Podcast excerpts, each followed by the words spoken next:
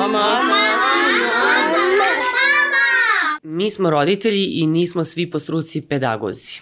Tako da e, teško nam je da se suočimo sa nekim fazama odrastanja naše dece, a jedna od naj komplikovanijih e, sigurno je onaj prelazak iz obdaništa ili vrtića u školu gde oni sa e, igračkica, slagalica, crtanih filmova dolaze u neki potpuno drugačiji svet gde se od njih očekuje odgovornost, koncentracija, pažnja uh, i uh, pre svega pamćenje. Oni moraju da zapamte šta imaju za domaći, moraju da pamte brojeve, da uče, da pišu, čitaju i tako dalje. Znači susrećemo se sa matematikom, srpskim jezikom, stranim jezicima, uh, prirodom i društvom, kasnije sa nekim ozbiljnim ovaj, nastavnim predmetima i uh, Od nas se često očekuje da sa njima uh, učimo nekoliko oni rade u školi, ali uh, donekle moramo da budemo učitelji i nastavnici, a to nije baš tako lako i to u principu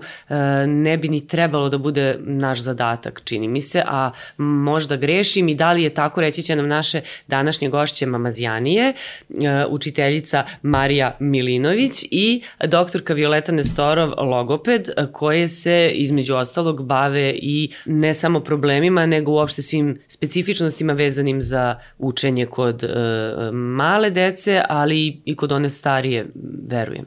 Marija, ili imaš ti neki savet za nas, roditelje, kako da se postavimo prema ovim mališanima, recimo prvacima, drugacima, kad, kad su tek na početku školovanja?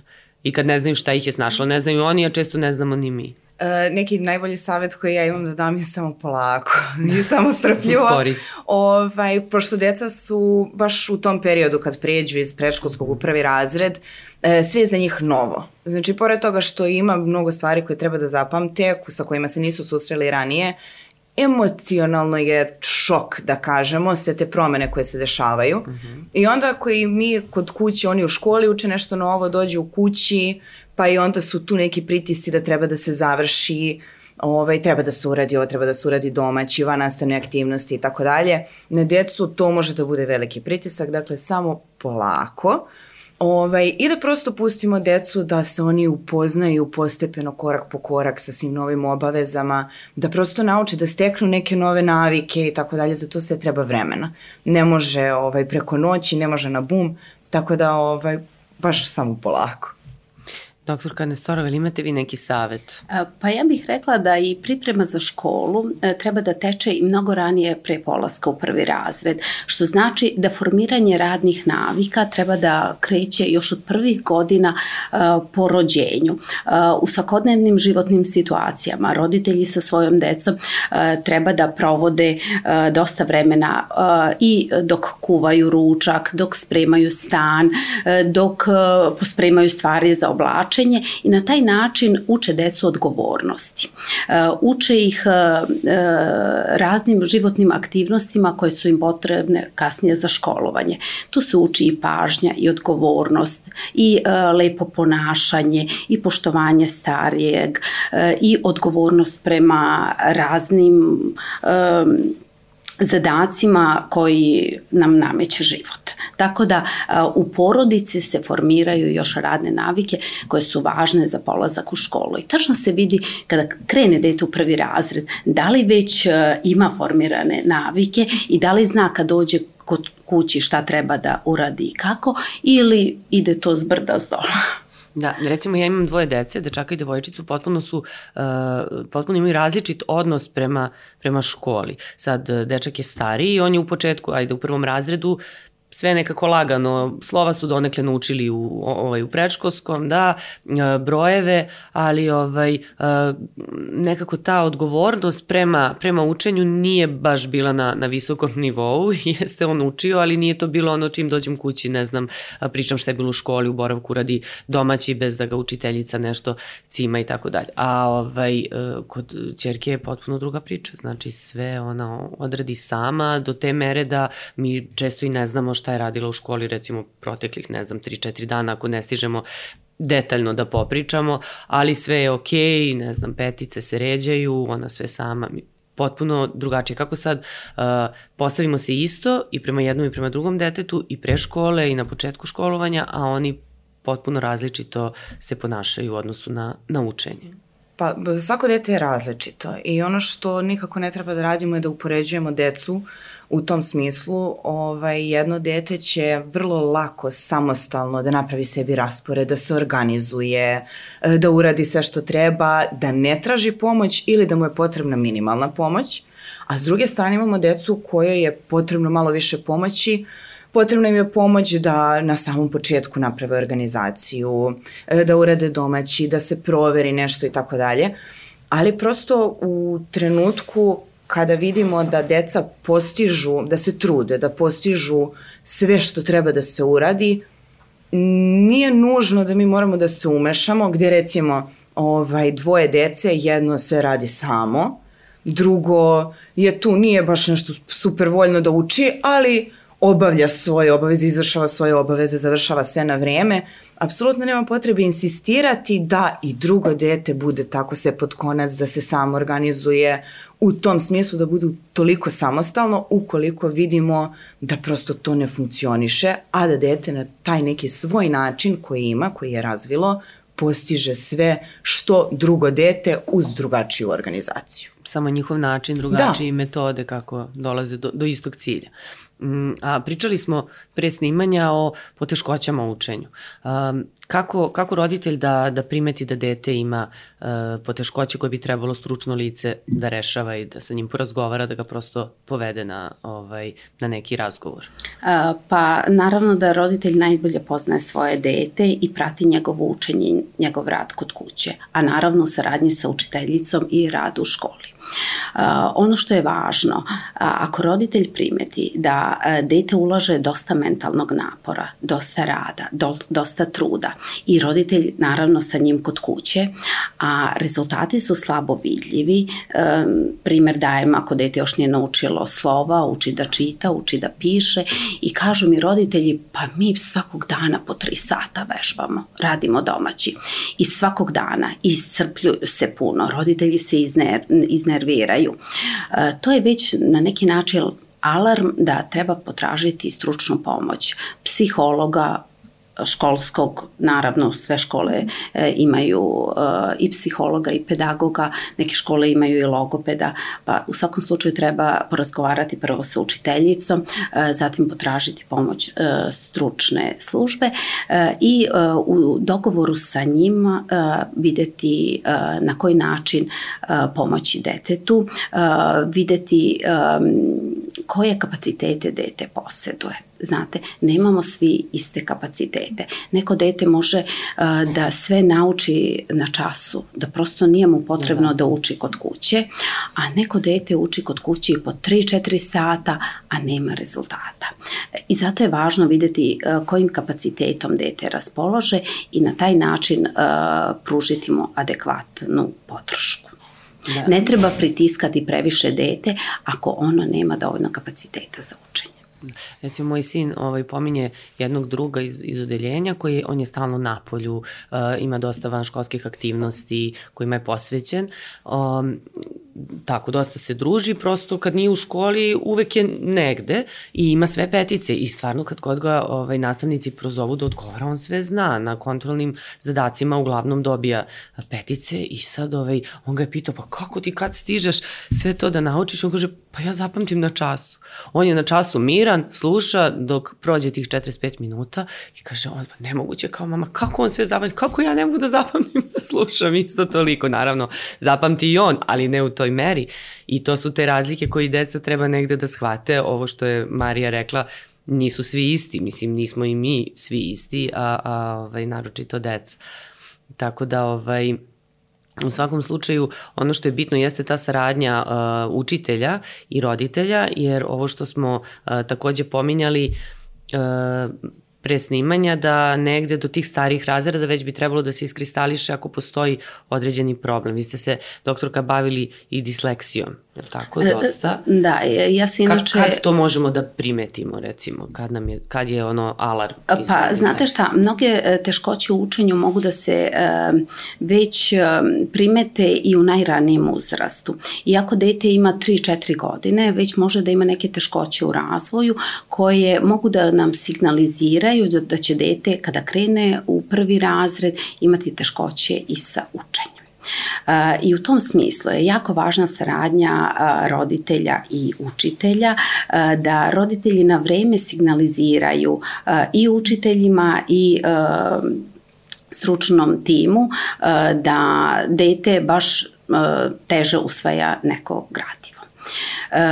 To su neke teškoće koje su vidljive i koje se primete u ranijem uzrastu. Međutim, često mi neke teškoće otkrijemo i polaskom deteta u školu. I opet e, kažem da, e, vi ste pomenuli malo pre disleksiju, e, disleksija se može da primeti i u predškolskom uzrastu, međutim kod nas ne postoje logopedi u osnovnim školama i ne postoji neka sistematska detekcija i diagnostika u svim školama da se otkrije da li dete ima disleksiju ili ne, ali ono što je važno je stalna saradnja roditelja i učitelja i osluškivanje deteta i od strane roditelja i od strane učitelja. Tako da E, dijagnoza disleksije se ne daje pre kraja drugog razreda, odnosno u trećem razredu, jer se daje e, malo više prostora da dete možda iz nekih drugih razloga nije moglo da savlada e, čitanje. Možda je dete psihički odsutno, možda je zbog nekih slabe pažnje, slabe koncentracije, teže mu ide osvajanje čitanja. Tako da se dijagnoza disleksije konkretno ne daje pre e, kraja drugog razreda, odnosno u trećem razredu. Nažalost, mnoga deca koja imaju disleksiju ili neke druge teškoće u učenju i ne bude otkrivena uopšte u osnovnoj školi. Čak ni na kasnijem uzrastu. Prosto deca nekada sama razviju neke mehanizme kako da se izbore sa svojim problemom. Um, pošto ja držim i uh, seminar i obuku za uh, učitelje, nastavnike i baš govorimo o disleksiji, o disharmoničnom razvoju i sećam se da sam pre par godina imala jedan seminar u jednoj uh, zemunskoj osnovnoj školi gde mi je nakon mog predavanja o disleksiji prišla jedna nasnica matematike i rekla je um, ovo sada što ste govorili o disleksiji, ja sam sve te simptome primetila kod sebe. I kaže, ja sam sada u ovom trenutku otkrila da ja imam disleksiju. I onda mi je pričala o svojim simptomima, o svojim tim teškoćama, međutim, to je jedna vrlo pametna, jedna inteligentna devojka koja je sama uspela da razvije mehanizme i da se sama izbori sa svojim problemom. I onda ona mene pita na kraju, kaže, a šta ja sada treba da radim? Ja kažem, ništa, nastavite samo tako kao što ste i do sada radili. Tako da, eto, prosto e, i to se dešava i hvala Bogu da je kod nje e, to sve išlo kako treba. Međutim, u praksi se susrećemo da dosta dece koji ima uh, disleksiju ili neku drugu teškoću u učenju, um, odu nekim krivim putem. Često idu neko destrukt, u neke destruktivne oblike ponašanja, privlače pažnju um, nekim drugim neadekvatnim, znači ponašanjima i na taj način, zato što prosto imaju slabiji kapacitet za učenje, oni privlače pažnju i prosto odu neke delikvente A da niko ne zna zapravo a da niko ne zna šta je uzrok. Da, da, da baš. Da. Ovaj, um, Marija, tebe sam htela da pitam koliko mi kao um, roditelji treba da učimo uopšte sa decom i da li treba da učimo ili da ih pustimo da rade sami. pa, koliko je sad razlika između onih ne samo domaćih zadataka, nego uopšte učenja Generalno. lekcija mm -hmm. u prvom, drugom razredu priroda i društvo, sve to kod nas, mm. kako se to sad zove, i ovo ajde kasnije, ovaj, od petog do osmog, kad već dolaze ozbiljniji predmeti. I... Pa opet tu negde zavisi od deteta. Ovaj, ono što je negde moj savet, i ono što ja često kad me roditelji pitaju ja kako ćemo sa domaćim ovako onako, da prosto vidimo kako dete funkcioniše, ne treba da se uključujemo preterano. Ne treba da naviknemo dete da smo non stop pored njega dok ono uči, uvek tu za sve, već da dete pokuša samo, e, ima, ne znam, 10 zadataka iz matematike i ne zna, ne razume 3-4 zadatka, ok, hajde uradi prvo samo ono što znaš, što razumeš, što ti je jasno, pa onda ću ja posle da ti pomognem, da se uključim, e, da ti objasnim, pojasnim i tako dalje ono što uh, negde po mom mišljenju i ne treba da radimo jeste da se samo inicijativno uključujemo, a da nam dete nije tražilo pomoć. Znači, dete sedi, uči, radi i mi dođemo kao šta radiš, kako, je, je ti jasno, jel možeš, hoćeš da ti pomognem, a dete nije tražilo pomoć. Znači, ukoliko ono može samostalno da radi,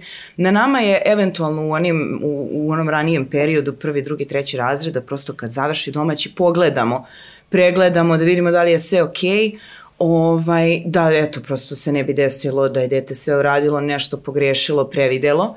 Znači da uradimo neki ovaj, prosto reviziju urađenog i da onda pustimo dete da nastavi samo. Međutim, ukoliko dete traži pomoć, na nama je da se uključimo, ali da to ne bude e, ako dete pita kako se radi zadatak, da ne dođemo u situaciju da mi uradimo taj zadatak za dete. Nego hajde da vidimo šta je nejasno E, da dete objasni, znači imam tu tri jabuke, dve kruške, koliko ih ima ukupno, nije mi jasno šta se traži od mene, šta se zahteva u zadatku i tako dalje. Da uđemo u neku suštinu zašto je detetu nejasno. E, I to je to što roditelj kod kuće sa detetom može da radi, kasnije u višim razredima uglavnom je to neko preslišavanje, više nije toliko domaći zadatak koliko je preslišavanje. Naučio sam lekciju iz istorije, mama, ajde knjigu, ovaj, ja pričam, ti gledaš da vidimo da li sam sve zapamtio ili zapamtila. Tako da ovaj, negde kad dete traži pomoć, naravno treba da se uključimo, ali da ne budemo konstantno tu prisutni, da ne radimo umesto deteta, već baš da budemo pomoć i podrška u tom trenutku. Ono što je danas najveći problem uh, jeste nedostatak vremena u svakom smislu tih reči uh, i imam utisak da se mi često opterećujemo njihovim uh, ne samo ocenama, ajde, nego uopšte u, ne, i domaći zadaci, ali i to učenje, to preslišavanje, ponavljanje. Ne znam, ako ja sad m, sam htela da, da recimo preslišam dete geografiju i istoriju, ali nisam stigla, jer dok sam došla s posla, obavila ovo, ja, on je otišao na trening, on je otišla vamo, namo dok su se vratili već je pao mrak, mora da se spava, ne mogu sad baš da ponavljaju 10-11 uveče. Ovaj, I onda osjećam negde ono i grižu savesti zašto ovaj, trebalo je da nađemo vremena, pa evo kontrolni se bliži, pa biće ispitivanje. A onda opet kad nađemo vremena, čini mi se da mm, nemamo dovoljno e, živaca za to. Znači, vrlo često roditelji eksplodiraju, pa ono, kako ovo ne možeš da zapamtiš, pa moguće da ovo ni koliko si puta pročitao, ne znam, oni kažu čitao sam, učio sam, nema ono naučio sam, nego učio sam ili učila sam, čitala sam i onda e, mi pročitamo, ne znam, dva puta lekciju, zapamtiš neke osnovne pojmove, ovaj, oni ne mogu da zapamte, sad ne zato što imaju možda neki poremeće, nego jednostavno deca su, mislim, njima koncentracija luta, pažnja, posebno današnjoj deci, mislim, pod uticajima i ovaj, raznoraznih spoljnih faktora. I kako sad da mi sebe obuzdamo da, da ne forsiramo onda dete i da ga pustimo da, da samo nauči da uči. Zar to nije bolja opcija? Pa da, to je, to je neki krajnji Mislim, kako ja sebi da kažem, ajde ostavi, ostavi ga neka nauči sam, pa šta dobije? Dobije dvojku, trojku, peticu, četvorku, da. potpuno je ovaj, potpuno to je, to je samo kontrola. Da. za roditelje je samo kontrola. Da, ispadne kao da mi učimo za sebe umesto da, umesto da pomažemo njima. Ovaj, prosto da e, shvatimo da je negde učenje, domaći zadaci i tako dalje, to su obaveza deteta, koje smo i mi imali kad smo bili deca, kad smo bili u školi, na, naša je bila obaveza da učimo, da naučimo. Isto tako je i danas, znači ta obaveza se nije promenila e, kod dece, njihovo je da urade domaći, da nauče lekciju i tako dalje. I mislim da negde e, to što se roditelji donekle previše opterećuju time da li je naučeno, kako će, baš to bliži se kontrolni, nismo se preslišali, e, negde je za dete, kao podsjetit će me mama, tata i tako dalje, a u stvari je to detetova obaveza. I ono koliko vremena posveti radu i učenju, e, opet pričamo o deci koja ovaj, nemaju nikakav problem, gde ako ja ne želim da naučim, ne uči mi se danas, ne želim da naučim tu lekciju, to ima svoje posledice. Znači, ili dobit ću lošu ocenu, ili Ovaj, prosto svako, to je ono što mi često ponavljamo deci u edukativnom centru, da znaju svako vaše ponašanje, svaki vaš postupak ima svoju posledicu. Ako sednete, naučite, vežbate, taj trud koji ste uložili je takođe se računa, jako je važan. Ali sedneš, naučiš i onda posle toga imaš neku e, pozitivno potkrepljenje u smislu dobre ocene, pohvale i tako dalje. Znači imamo pozitivne posledice, imamo i one negativne. Nisi uradio domaći, to je minus, Uh, ako želiš da dobiješ neko pozitivno potkrepljenje, ti ćeš se potruditi da to uradiš za sledeći put i tako dalje. Znači, prosto da dete zna da su njegove obaveze njegova briga i da sve što radi ima svoju posledicu. Uh, tako učimo prosto decu da postanu odgovorni ljudi sutra, da nije na roditeljima da brinu o tome da li su spakovane knjige i tako dalje. Opet pričamo o nekoj starijoj deci kada već su ušli u neku rutinu što se tiče škole.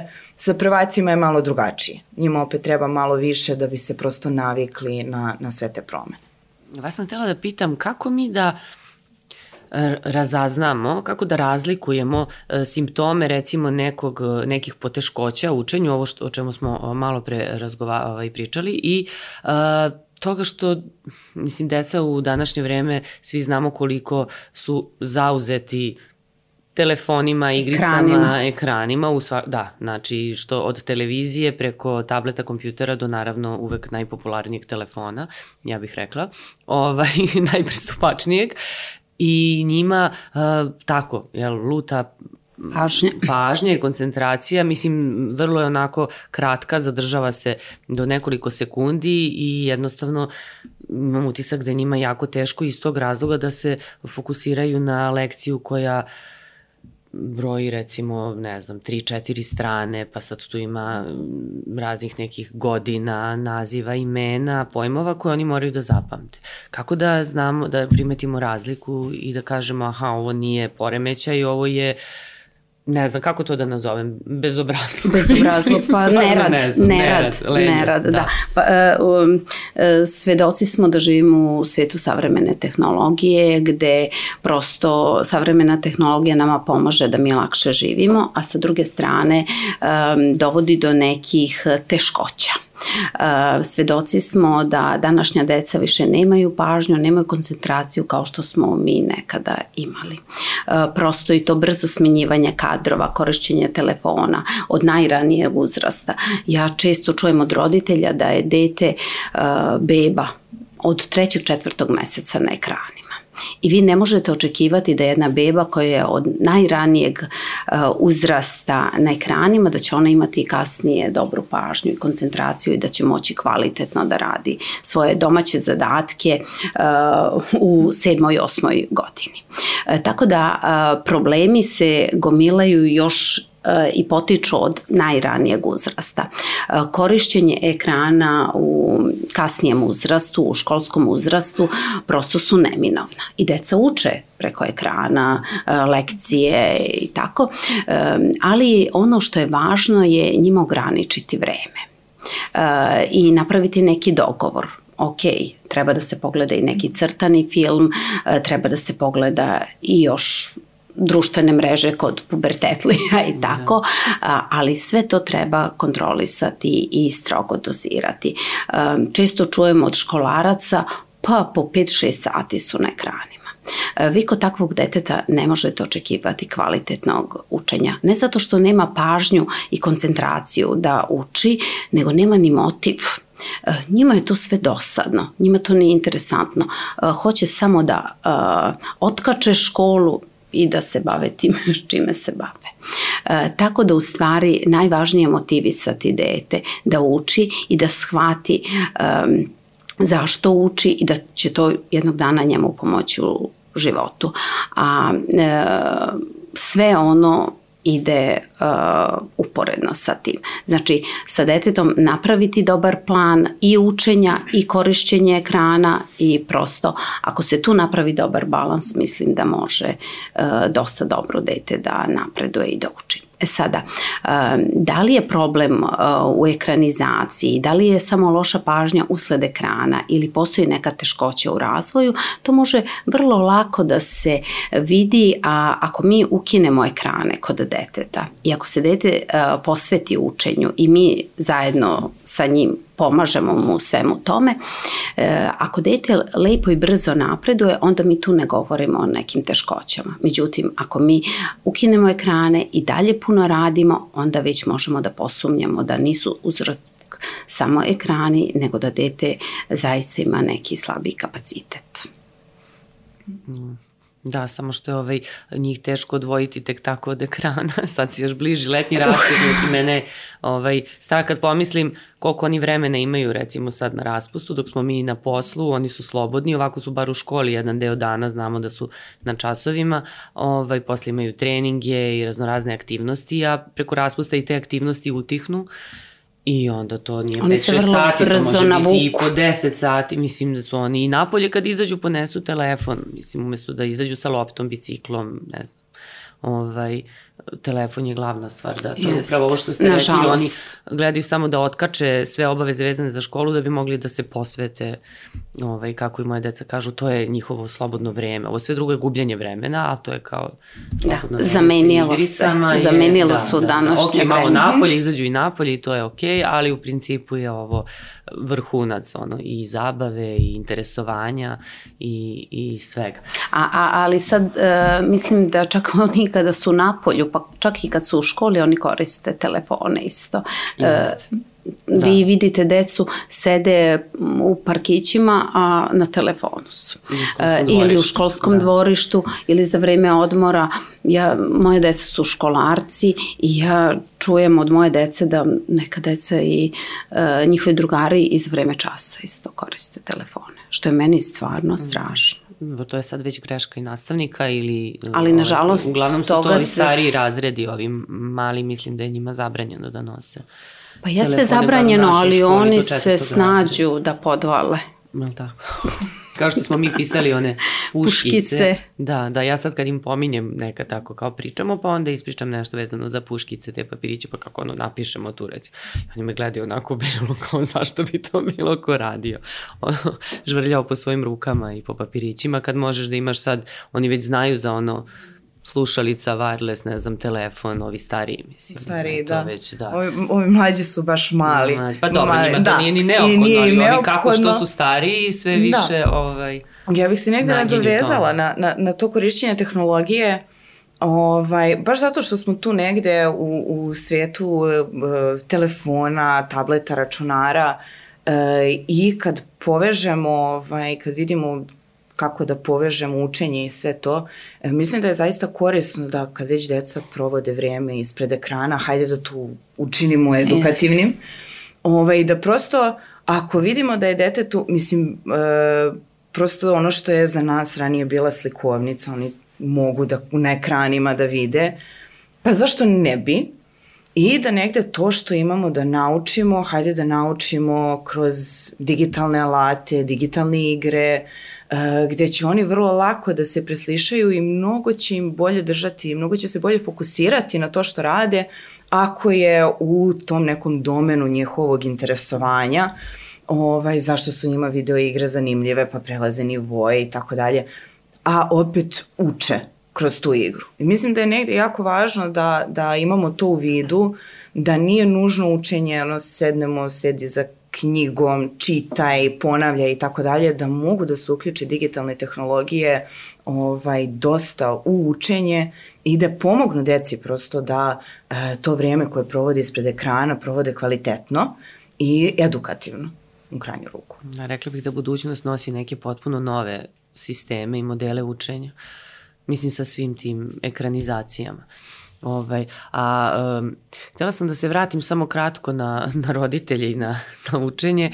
O, koliko je uh, pogubno što i dalje čujemo i, i ja čujem i od svojih drugarica i mislim da se dešava na roditeljskim sastancima uh, u mlađim razredima, ovaj, u nižim razredima u stvari, uh, posebno gde učiteljica recimo kaže nemojte raditi umesto njih. Mm -hmm. Oni mhm. dobiju da urade neki projekat, sa nekim fotografijama, natpisima i tako da, ili e, nešto za domaći da napišu i prosto svaka učiteljica, pa pretpostavljam da znaš kako to izgleda, možeš da proceniš da li je uradilo dete ili roditelj, da, koliko je to ovaj, ozbiljan problem, verujem da jeste. Jeste, zato što prosto dete onda uči da ne mora ništa i e, prosto te zasluge koje on stiče na taj način nisu zasluge deteta. I mislim da prosto dete kada ima nešto da uradi, da uradi onako kako ono najbolje ume i da se računa prosto taj trud i zalaganje. I ako imate grupu dece, njih petoro, desetoro, dvadesetoro, gde je svako dete uradilo za sebe onoliko koliko ono može, e, prosto taj uložen trud i rad i zalaganje je ono što se računa. E, ako roditelj uradi umesto deteta, to nije trud i zalaganje deteta i prosto ono što sam rekla, dete se navikava na to da neko drugi obavlja njegove zadatke umesto njega, da bi ono dobilo i prosto učimo decu da je u stvari najvažnije krajnji proizvod, krajnji rezultat da ništa što radimo pre toga nije važno kako ćeš da uradiš, samo da to na kraju bude ove, da ti do, da donese neki veliki uspeh, a u stvari je obrnuto. Znači, više se računa taj trud koji je dete uložilo, e, jer je prosto kroz e, taj rad, projekat, sastav i tako dalje, e, stiče neke veštine koje su potrebne. Učitelji prosto za domaće zadatke ne zadaju projekte iz dosade, nego zato što dete nešto treba kroz taj projekat da nauči, da savlada, obnovi, utvrdi i tako dalje. I ukoliko dete prođe kroz taj projekat tako što neko drugi to radi umesto njega, dete posmatra, ne ostvarujemo taj cilj. Tu dolazimo do pitanja ocena. Koliki mm -hmm. je pritisak na dete ako se konstantno priča o ocenama? Ako mi stalno pričamo, e, to kad naučiš dobit ćeš peticu, mm -hmm. ovo ti je za peticu, ovo je za odličan da. uspeh, ovako ćeš biti odličan, ako to ne urediš nećeš biti odličan i to konstantno ponavljanje, mm -hmm. mi smo nekad imali onu parolu svaka ocena je za đaka, mislim, da. to kažu i na fakultet kad odeš, ako jednom bar ne padneš ispit kao da nisi ni studirao, tako da sve treba da se prođe. Da, ovaj, mislim da je za decu e, negde jako loše da e, njihov samopouzdanje zavisi od ocene. Jer, mislim, mi pričali smo o tome malo pre, nemaju svi iste kapacitete i imamo dete koje sa malo uloženog truda, ovaj, mislim je kao drug koji je non stop napolju, da. sluša na času, dobije pet, dete sedi kući, uči, uči, radi, dobije neku četvorku i tako dalje. I onda, ako se fokusiramo na ocene, I ako sve što dete uradi bude bravo, dobija si peticu ili super si naučio, dobija si peticu, ako se dete trudi i uči satima i dobije četvorku, njegovo samopouzdanje se potpuno sroza. Ja sam uvoliko učio i radio i kako ja nemam pet. Zato treba da naglašavamo uložen trud. Super je trudio si se, vidim da si uložio mnogo. Znači, tvoji ovaj, neki kapaciteti koje dete ima, on je maksimum sebe uložio u to što radi, ocena koju je dobio ok je. Znači, ide trojka, ide četvorka, ide petica, sjajno je. E, ali prosto da se fokusiramo na trud koji dete ulaže. Da ne bude naš fokus na tom, toj oceni kao krajnjem nekom rezultatu, već na svemu uloženom pre toga. Da. Doktorka, kakve ste vi imali primere iz prakse, recimo sa, sa problemima u učenju, ovo što smo pričali, kako to rešavate, kako objasnite roditeljima pa, da rade sa njima ili nastavnici, učitelji? Da, e, kada se utvrdi da dete ima neke teškoće u razvoju, da ima slabiji kapacitet za učenje, svakako je važna saradnja e, i logopeda, defektologa i roditelja i učitelja i nastavnika. E, jer ako jedna karika odatle ne funkcioniše kako treba, ni dete ne može da napreduje onoliko koliko bi trebalo i koliko bi moglo. Mnogo je važna saradnja, zato zato što jedino tako dete može da napreduje. Ja dok radim sa decom koje imaju disleksiju ili neku drugu teškoću učenje, učenju, uvek volim da sam u kontaktu sa njegovom učiteljicom, naravno stalno kontaktu sa roditeljima i da na taj način svi pratimo dete, da svi imamo isti stav i da mu pomognemo da ono savladava gradivo koje može. E, čest isto e, zajedno sa učiteljima učestvujemo u izradi individualnog plana IOPA 1 i IOPA 2, zavisno od toga šta je detetu potrebno. Tako da u tom smislu e, stručna podrška je jako važna i naravno sve uz saradnju i učitelja i e, psihologa, stručne službe i znači čitavog tima iz škole. Nažalost, dešava se nekada da ta saradnja baš ne ide kako treba. Um, nekada e, treba vremena da roditelj prvo e, shvati da njegovo dete ne može e, da savladava gradivo na onaj način koji ono želi i koje ono očekuje, pa previše pritiskaju dete, e, što za posledicu može da se iskomplikuje i raznim psihičkim i emocionalnim problemima kod dece, a to je ono što ne želimo da dobijemo. Često se dešava u praksi i da učitelj i nastavnik ne razume da dete ima neku teškoću.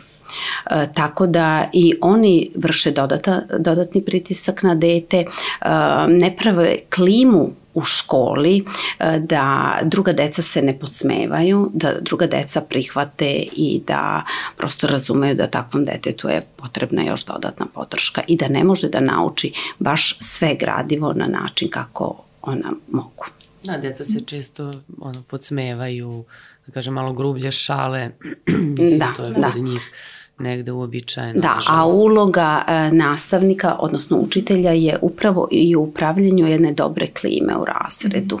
E, nije samo učenje, nije samo takmičarski duh, nego praviti jednu dobru atmosferu u razredu e, i e, pomoći detetu kome je podrška potrebna i ta pomoć od strane vršnjaka nekada može biti mnogo važnija od strane dece nego nas odraslih. E, I to je deci mnogo važno i treba dosta raditi na tome. Sad ja razumem da su i razredi dosta veliki, da učitelji nemaju vremena, ali prosto nekako treba malo misliti i o tome. Da, da oni shvate da su jedan tim, jedna, jedna ekipa. Jedna celina, jedna celina, da, da. A, a kako e, objasniti roditelju da dete ima poteškoće, da mu treba pomoć, kako oni to prihvataju? Mislim, verujem da ima onih, kao što ste pomenuli, dosta pritiskaju decu da uče, ne mogu da shvate, i ono što sam ja pomenula, da nešto ne može da zapamti, što je jednostavno i, i tu dolazi do, do pritisaka. Često pretpostavljam i do vikanja, svađe, kako jedne neprijatne situacije i teške. Da, da, da. Pa, uh, da. I opet to nekako njima približite, verujem. Naravno, pa um, ima roditelje koji sami prosto inti, uh, intuitivno dok rade sa uh, svojim detetom vide da tu nešto neštima, vide da nešto fali. Ne znaju šta je i ne mora da znaju, prosto su roditelji, nisu edukovani iz te oblasti, ali onda uh, googlaju, traže po internetu uh, i nekako sami dođu do uh, ideje da nešto nije u redu sa njihovim detetom i traže pomoć. Međutim, dosta ima i roditelja koji nisu svesni i koji e, niti e, vide, niti kasnije prihvataju e, ni sugestije od strane učitelja, od strane nastavnika da učenje kod njihovog deteta ne ide baš kako treba i e, takvim roditeljima je nekada potrebno e, i više godina da shvate i da prihvate da njihovo dete ima problem. Bez obzira i kada dođu kod stručnjaka i kada traže pomoć stručnjaka, e, treba im vreme da prosto se oni u svojim glavama suoče sa sobom. Nekada to ide brzo, nekada ide dosta dobro, ali nekada i tu ide dosta teško. Tako da prosto svi smo mi ljudi i svi mi različito reagujemo, tako da ne možemo ni očekivati kod nekih roditelja da onog trenutka kada im saopštimo da očekujemo da odmah to prihvate. Opet kažem, neko prihvati odmah, a nekome treba dosta vremena. Da, Tako da, da što ste pomenuli da im treba više godina, to je on poprilično da, dug period za da, dete. Nažalost. Može da se razvije da. i promeni za nekoliko godina. Nažalost, u praksi smo svedoci da nekada roditelji često kriju. I kada mi e, preporučimo da treba da se urade neke mere individualizacije, da se uradi i op1, a oni pitaju, a hoće to sada znati ceo razred? A da li to moraju onda da znaju svi nastavnici? Prosto ih je na neki način sramota. Međutim, ne treba da dođe do toga. E, prosto je nama interes da dete napreduje, da se dete dobro osjeća pre svega i u tom razredu i u tom učenju. Sad, možda neće biti lekar, neće biti advokat, možda će moći da bude jedan dobar pekar ili kozmetičar, svejedno, naravno, ali je važno podržati dete. Podržati dete, pružiti mu ljubav i u skladu sa onim kapacitetom koje ono posjeduje da se prosto uh, osjeća dobro u svemu tome i ne iskomplikovati, što bi profesor Bojanin, čuveni naš deči da. psihijatar, rekao, očuvati mentalno zdravlje takve dece. Prosto da svima nama to bude imperativ u svom radu. Da.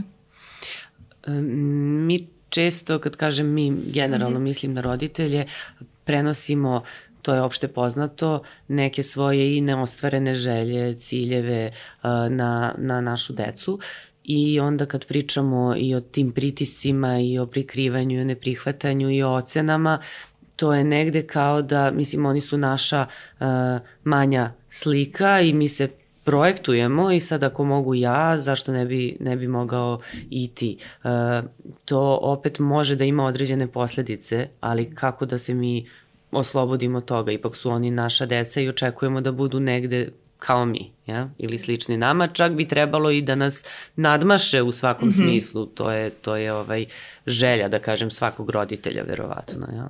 Pa to je opet negde individualno ovaj, i to je nešto što je na roditeljima, nije na deci, e, da shvate da prosto smo svi različiti kao individue, e, svaka osoba je drugačija, E, u krajnjem slučaju, oni koji imaju braće i sestre mogu da vide, mislim koliko god smo mi slični, potpuno različito funkcionišemo i isto tako ovaj, važi za dete. Dete fizički liči na roditelja i ima neke osobine ovaj, roditelja, baka, deka, ali ovaj, ne znači nužno da će biti isto kao mi, razmišljati isto kao mi i tako dalje i tako dalje.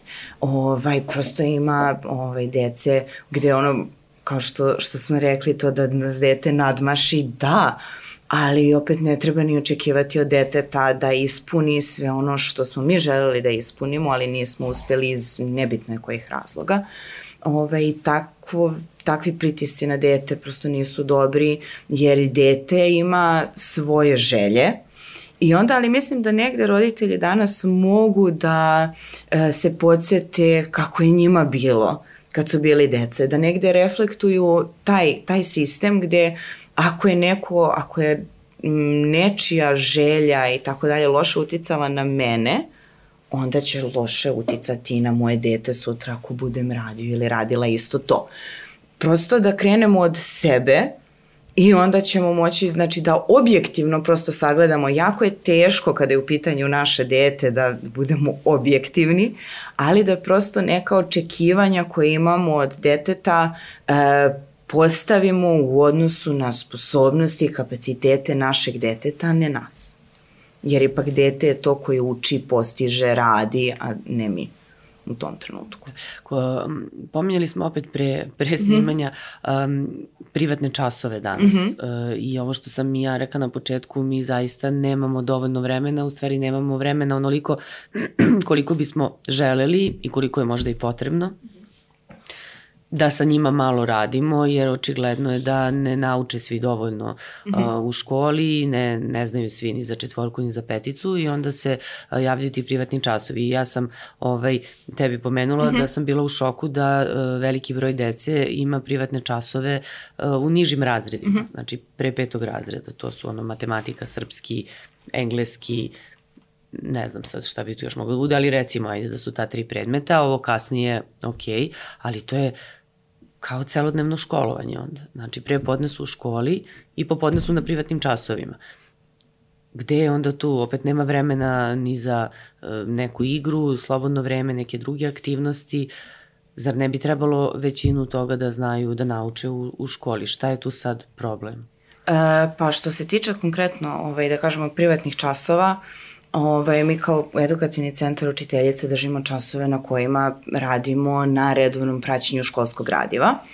I e, deca koja su na našim časovima, mi na tim časovima prosto pojašnjavamo ono što je možda ostalo nejasno, vežbamo, učimo na neki drugačiji način, učimo kroz igru, uh, da prosto uh, to što su deca usvojila, naučila u školi, da negde utvrdimo, obnovimo, ponovimo, da učvrstimo to znanje, da povežemo ta znanja, I konkretno ovaj, za niže razrede nisu to časovi kao imamo ovaj, sat vremena matematiku, sat vremena srpski, sat vremena prirodu i društva i tako dalje. To je više, ovaj, bar kod nas je uh, objedinjeno gde mi imamo, ovaj, povezujemo lekcije iz srpskog matematike, sve to oko nas, deca su tu sat i po vremena gde uče, igraju se i prosto to što su naučili u školi, prosto obnove, na časovima i onda su posle toga slobodni ovaj, završili su domaći, uradili su, obnovili su i e, ostaje posle više vremena za neke porodične aktivnosti. To je neka prednost koju ovaj, imamo kada su u pitanju privatni časovi, gde mi kad deca završe sa tim časovima, taj ostatak vremena koji ovaj, ostaje posle je za neko porodično druženje, spakujemo knjige, to je to, super. Znači, obnovili smo, naučili smo, e, roditelji provere da li je sve završeno, preslišaju decu ako je potrebno i onda imamo više vremena za, za neke druge aktivnosti. Nije toliko opterećujuće u smislu da oni, ovaj, da deca imaju svaki dan po 3, 4, 5 privatnih časova za svaki predmet.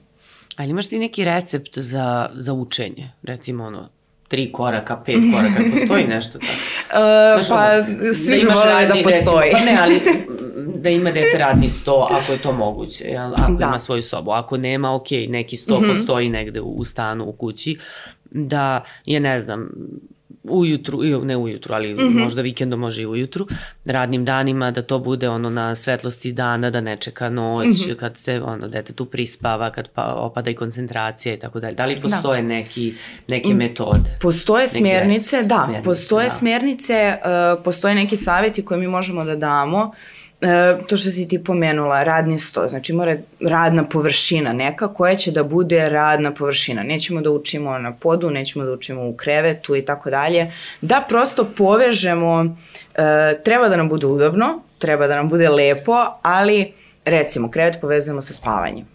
Iako dete leži na krevetu i radi nešto, to je polako pada Ovaj, znači imamo radnu površinu. Na toj radnoj površini ne bi trebalo da imamo neke distraktore, nešto će da nam odlači pažnju. E, igračkice, figurice i tako dalje. Znači imamo na našem radnom stolu, na radnoj površini ono što nam je potrebno za rad. To nam omogućava da se koncentrišemo, znači da fokus bude na tom radu.